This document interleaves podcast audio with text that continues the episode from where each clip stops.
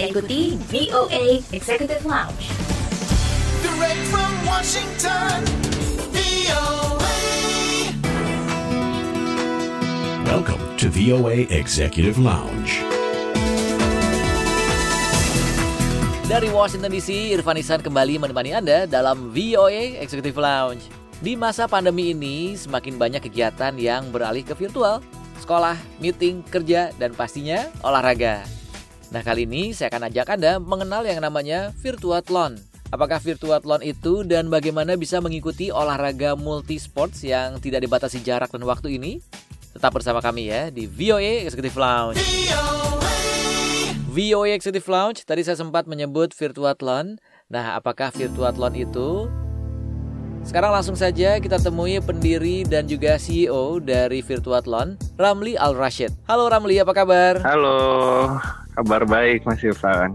Nah, langsung aja kita kenalan dulu nih. Ramli ini profesi sehari-harinya apa? Uh, kalau saat ini saya memang uh, full time di Virtuathlon. Oke. Sebelumnya memang saya apa uh, profesional, tapi se- setahun ke Virtuathlon sudah mulai growing dan mulai besar dan dan banyak event atau project yang kita handle. Akhirnya di tahun 2020 saya memutuskan untuk apa namanya untuk full time di Virtuathlon. Oke. Nah, Ramli ini sebagai founder dari Virtuathlon. Nah, sebenarnya apa sih Virtuathlon itu? Betul. Eh, Virtuathlon ini eh, adalah virtual multisport platform yang pertama di di Indonesia. Mhm. Kita ini sebenarnya apa eh, masih masih baru. Kita berdiri di tahun 2017 bulan Agustus. Kita eh, build Virtuathlon itu melihat olahraga khususnya ada tiga tiga cabang olahraga yang apa yang sedang booming. Lima tahun terakhir itu dari dari swim, bike, run dan multisport. Eh, dibangun untuk apa namanya untuk me- memfasilitasi sport entusias untuk bisa berolahraga tapi menggunakan teknologi. Nah, eh, akhirnya Virtuathlon itu sebagai eh, platform yang menyediakan fasilitas tersebut dan ternyata kami menjadi yang pertama di di Indonesia sebagai uh, multisport platform atau virtual multisport platform yang yang apa yang ada di Indonesia untuk pertama kalinya itu kurang lebih mas. Nah, Ramli misalnya saya orang awam nih, dengar kata-kata Virtuathlon. Nah, ini seperti apa sih Virtuathlon itu? Apakah kita lari sambil menghadap layar misalnya gitu terus mengikuti Mhm. race uh, tracknya itu secara virtual atau gimana nih? Secara teknis penggunaan apa namanya platform Virtuathlon itu sebenarnya sangat sangat mudah. Mhm. Jadi misalkan ada satu race yang kita adakan atau ada satu race di apa di salah satu kota ataupun di mana pun itu kemudian kerjasama dengan kita untuk apa untuk bikin event virtualnya. Nah si user itu bisa uh, mengikuti event tersebut dengan cara dia bisa running atau uh, mengikutinya itu di mana pun selama periodenya sama seperti uh, race tersebut. Misalkan ada satu race yang kita adakan secara virtual, Mhm. yang Virtuathlon adakan sendiri secara virtual. Misalkan di tanggal tertentu gitu. Iya. Nah, uh, user bisa mengikuti uh, race tersebut dengan cara download aplikasinya, kemudian pilih race-nya, kemudian dia join uh, payment dan dia mendapatkan nomor EBIB seperti race pada umumnya. Oh. Nah, setelah race-nya dimulai, Mhm. dia bisa langsung eh, itu tuh apa melakukan race-nya di tanggal sama sama persis seperti apa eh, race race-nya itu diadakan misalkan periodenya di tanggal tertentu di tanggal A misalkan. Nah, dia bisa lari di mana pun eh, mau di dalam rumah treadmill di gym ataupun outdoor di komplek ataupun dia mau lari di trail itu silahkan. Yang Oh. penting selama jaraknya sama dan periodenya sesuai dengan yang ditentukan. Nah setelah dia selesai melakukan itu dia eh, submit atau dia upload hasil larinya, Mhm.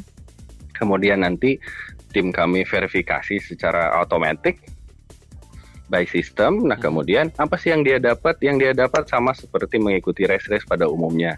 Dia dapat e-certificate, dia dapat medali, Oh, dan dia dapat apa eh, hadiah-hadiah tambahan lainnya. Nah itu yang yang pertama. Nah yang kedua, misalkan ada ada race di satu kota atau misalkan di satu negara, katakanlah di Jakarta, ada nama race-nya A. Mm-mm. Nah yang bisa mengikuti race tersebut kan pasti orang Jakarta, orang sekitaran Jakarta, Ya. katakanlah Jabodetabek, kemudian orang di luar Jakarta dengan syarat dia punya budget, dia ada waktunya, dan dia ada kesempatan. Ya. Karena kan dari luar kota ke Jakarta perlu tiket pesawat, penginapan dan dan lain sebagainya. Masih ada ada budget yang harus dikeluarkan. Nah, eh, bagaimana orang-orang di luar Jakarta yang tidak punya poin-poin itu tadi? Nah, virtual eh, platform itulah yang akhirnya bisa memfasilitasi mereka. Misalkan orang di Aceh, di Papua, di Maluku, di Kalimantan, dan di daerah lainnya ataupun di negara lain yang mau ikut eh, event tadi di Jakarta bisa mengikutinya lewat eh, virtual atau katakanlah lewat platform virtual seperti Virtuathlon. Larinya boleh di mana pun. Dan ini sudah bekerja sama dengan penyelenggara-penyelenggara maraton-maraton yang ada di mana saja nih? So far? Eh, so far masih masih masih di masih di Indonesia. Di kebanyakan memang karena karena apa namanya brand-brand besar ada di Jakarta, jadi kebanyakan di Jakarta. Tapi ada juga di, di daerah-daerah lain seperti di di apa di eh, Kalimantan, kemudian eh, di Sumatera juga ada. Kita juga apa sering sekali ke Bali. Nah, ke Bali itu sering karena apa? Karena sport tourism di Bali itu kan cukup cukup menjadi magnet buat buat apa para sport entusias khususnya para pelari. Jadi ketika ada event di Bali itu mereka pengen juga bikin bikin virtualnya biar orang merasakan apa eh, experience yang sama walaupun walaupun dia ada di di apa di di daerah yang yang jauh dari Bali. Nah sekarang di masa pandemi ini peningkatannya seberapa jauh nih lonjakannya nih? Eh, lonjakan di apa di masa pandemi apalagi di apa di sejak awal 2020 itu sangat besar dan sangat tinggi sekali. Apalagi apa di di di industri olahraga yang yang saya sebutkan tadi. Selama pandemi itu berlangsung selama orang mulai di rumah mereka semakin apa semakin gila berolahraga dalam Iya. tanda kutip. Kenapa gila berolahraga? Karena tidak ada aktivitas lain selain selain kerja, selain di rumah misalnya yang Heeh. eh, cuman duduk-duduk aja atau rebahan aja yang mereka bisa lakukan ya. Akhirnya mereka me- melampiaskan Iya. aktivitas di rumahnya itu ke olahraga. Nah, begitupun eh, kami sebagai platform virtual akhirnya jadi alternatif yang cukup bagus mungkin Iya. untuk untuk mereka melakukan aktivitas tersebut. Makanya ketika pandemi dimulai kemarin apa namanya eh, project yang datang dari korporat untuk mengadakan event-event yang tadinya mungkin mereka harus mengadakan offline karena Iya. ada pandemi di cancel ataupun tidak keluar izin akhirnya mereka convert ke ke virtual dan apa namanya mereka menghubungi kami untuk bisa memfasilitasi eh, event-event tersebut menjadi menjadi virtual event. Oke.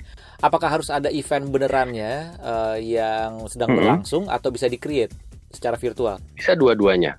Ada event benerannya misalkan eh, yang sudah eksis kemudian di di convert ke virtual ataupun di mix juga bisa Mhm. atau kita bisa meng-create sendiri event yang yang original gitu. Misalkan belum pernah ada nama tit- eh, apa title eventnya ataupun eh, konsep konsepnya yang belum ada kita create something new itu juga juga bisa.